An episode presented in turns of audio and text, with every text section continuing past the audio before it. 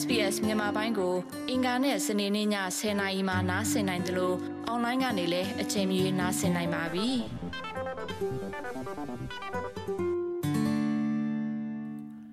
သောရရှင်များယခုတင်ဆက်ပေးမှာတော့အိမ်တော်မပြုတ်ပဲ de facto ဆက်ဆံရေးဆိုတာရှိပါလား။ Australia မှာ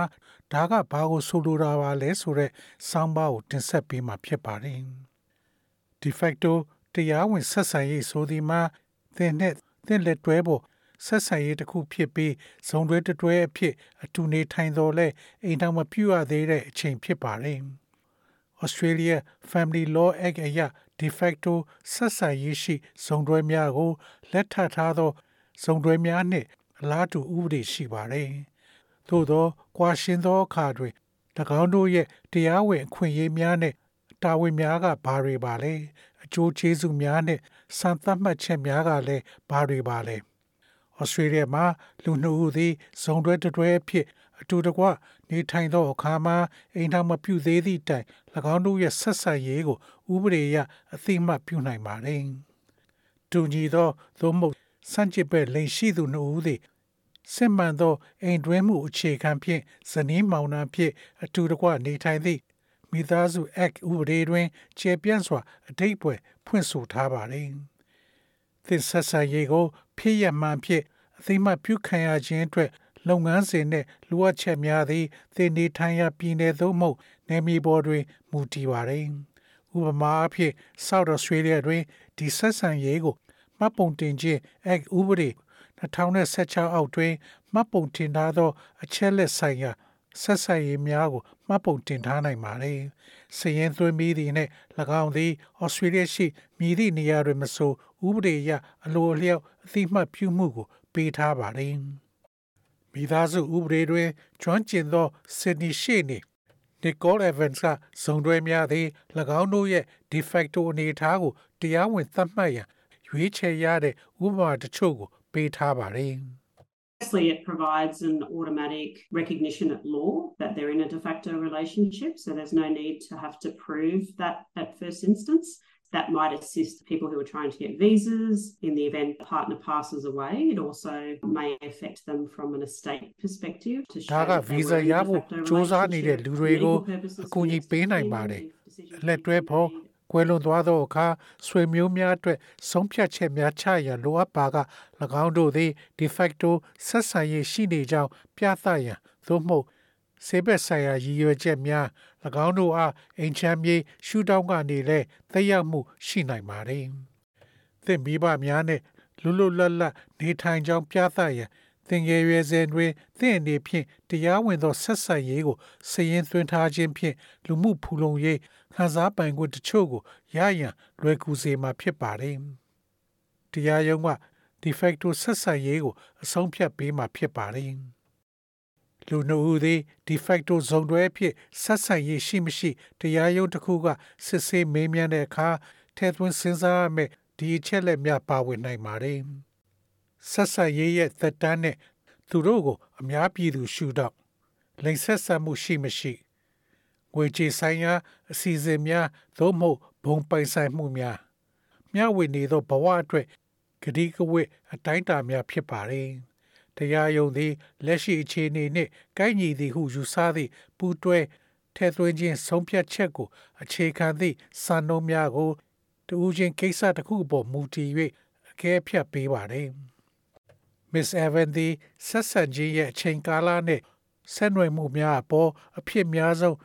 လူများရဲ့အထင်အမြင်လွဲမှားမှုတစ်ခုကိုရှင်းပြပါတယ်။ A lot of people think that you have to be in a relationship for two years to be de facto. That's not true. A lot of people think if you're in a de facto relationship after two years, you're suddenly entitled to 50% of the other person's assets. Again, that's not true. So, yeah, a lot of people think you have to be living together as well to be in a de facto relationship, which is not true. ဆက်ဆံရမယ်လို့လူတော်များများကထင်နေကြတယ်။ဒါကမမှန်ပါဘူး။ လူတော်များများကသင်ဟာ de facto ဆက်ဆံရေးမှာရှိနေရင်နှစ်နှစ်ကြာပြီးနောက်တခြားသူရဲ့ပိုင်ဆိုင်မှု90ရာခိုင်နှုန်းကိုရုတ်တရက်ခံစားပိုင်ခွင့်ရှိတယ်လို့လူအများကထင်နေကြတယ်။ဒါကလည်းမမှန်ပါဘူး။လူတူသည်တခြားတဦးနှင့်တရားဝင်လက်ထပ်ထားလျင်ပင်တရားဝင်စုံတွဲတတွဲရှိကြောင်းအသိမှတ်ပြုတဲ့အမှုဥပဒေတွေရှိပါတယ်။မိသားစုဥပဒေအထူးပြု Brisbane ရှိနေ Damien Gear ကယခုလိုရှင်းပြပါတယ်။ It doesn't happen very frequently. It is more the case of where you have people who have been married but never divorce and then they move into a de facto relationship. Think about it from this context. You can have a husband, say, who's in a married relationship. That relationship breaks down and no one applies to the court for a divorce. The husband then moves into a, ဒါဟာ another မကြာ relationship ခဏ with ဖြစ်လိမ့် someone မရှိ else ပါ and ဘူး is not married အိမ် to ထောင် them, တွေ but lives with များ them လာ for လေလေ five, six အိမ် years, ထောင်ရေး years ပြုတ်ကွဲမှုတွေ married, and များလာလေလေ they ဖြစ် de ပါတယ် facto partner. ဒါပေမဲ့ကွာရှင်းမှုအတွက်တရားရုံးကိုဘယ်သူကမှရှောက်ထားခြင်းမရှိသလိုနှစ်ယောက်တည်းကတယောက်ယောက်က တခြားတစ်ယောက်နဲ့ပြက်ပြက်သားသားဆက်ဆက်ရေးကိုဆက်သွားနိုင်ပါတယ်မိဘအုပ်ထိန်မှုအစီအစဉ်များပြိုကွဲသွားသောဆက်ဆက်ရေးမှကလေးများနဲ့ပတ်သက်တဲ့အငင်းပွားမှုများကိုတရားရုံးကအိမ်ထောင်သည်များပုံစံအတိုင်းကင်တွယ်ဖြေရှင်းမှာဖြစ်ပါတယ်အိမ်ထောင်သည်များကဲ့သို့ပင် de facto ဇုံတွဲများသည့်ပေါင်းသင်းဆက်ဆက်ရေးအတွင်းမြည်သည့်အချက်တွင်မဆိုစီးနှောက်မှုရှိသောငွေကြေးသဘောတူညီချက်တစ်ခုသို့ ဝင်ရောက်နိုင်တယ်လို့ Nicole Evans ကပြောဆိုပါတယ်။သင်တို့နှစ်ယောက်ရဲ့ဆက်ဆက်ရေးထဲကိုယူဆောင်လာခဲ့တာတွေကိုမှတ်တမ်းတင်ထားတဲ့စာရွက်စာတမ်းများကိုသင်တို့ကွဲကွာသွားတဲ့အခါမှာသင်တို့ကြားတွင်ပိုင်ဆိုင်မှုနဲ့တာဝန်များကိုမြည်သို့ခွဲခြားမိကိုသဘောတူညီချက်ဖြင့်ဆုံးဖြတ်နိုင်ပါတယ်။စီနောင်ထားသောငွေကြေးဆိုင်ရာသဘောတူညီချက်ကိုဥပဒေပညာရှင်ကသာပြင်ဆင်ပေးနိုင်ပါတယ်။ ရှေ့နေသည်ဤသဘောတူညီချက်အမျိုးအစားတွေဝင်ရောက်ခြင်းရဲ့အားသာချက်အားနည်းချက်များနှင့်ပတ်သက်၍လွတ်လပ်သောဥပဒေအကြံဉာဏ်များပေးထားကြောင်း၎င်းတို့ကသစ္စာရစာတမ်းတစ်ခုကိုလက်မှတ်ထိုးပေးရမှာဖြစ်ပါတယ်။ဖြန့်ပြေးပေးခြင်းနှင့်အငင်းပွားမှုဖြည့်ရှင်းခြင်း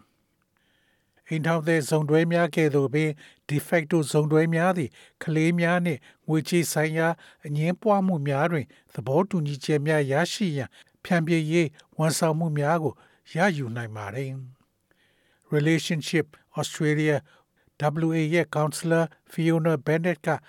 ဂျာဝင်ဖြန့်ပြေးပေးမှုသည် ပါတီနှစ်ရပ်ရဲ့စိတ်ခံစားမှုများကိုပြေပြောက်စေပြီးမျှတပြီးမျှမျှတတ သဘောတူညီချက်တစ်ခုရရှိအောင်ကူညီပေးနိုင်ကြောင်းပြောဆိုပါတယ်။ကွဲကွာပြီးနောက်တရားရုံးသည်ပိုင်ဆိုင်မှုခွဲဝေခြင်းနဲ့ပါတနာကို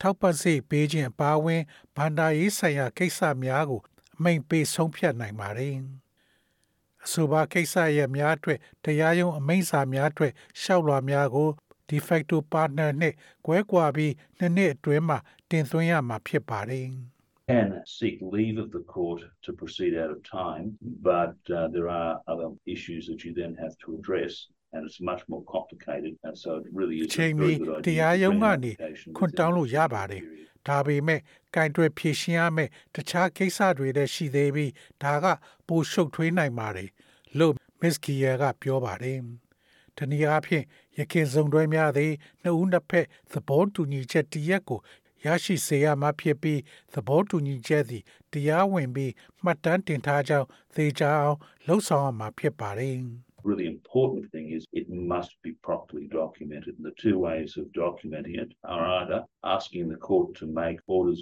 by consent, ဒါနဲ့ပတ် resolving သက်လို့ financial မှတ်တမ်းတင်တဲ့ matters, or ဒီ you လ enter နှစ်ခု into ကတော့ a တရားရုံးကို bilateral ခွင့်ပြုချက်နဲ့အမိန့်ပေးဖို့တောင်းဆိုတာဖြစ်ဖြစ်ငွေရေးကြေးရေးဆိုင်ရာကိစ္စရပ်တွေကိုဖြေရှင်းပေးဖို့ ဒါမှမဟုတ်ငွေကြေးဆိုင်ရာသဘောတူညီချက်ကိုရယူနိုင်ဖို့အတွက်ဖြစ်ပါတယ်လို့ Miss Kia ကပြောဆိုပါတယ်။ဖြန့်ဖြေရေးလုပ်ငန်းစဉ်သည်စန္ဒအလျောက်လှုပ်ဆောင်ခြင်းဖြစ်ပါတယ်။ပါတီတစ်ခုက၎င်းကိုစတင်တဲ့အခါမှာ၎င်းဝန်ဆောင်မှုသည်တခြားသူတစ်ဦးကို ပါဝင်ရန်စန္ဒရှိမရှိဆက်သွယ်မေးမြန်းမှာဖြစ်ပါတယ်။နှစ်ဖက်စလုံးမှဆက်လက်ဆောင်ရွက်ရန်သဘောတူပါက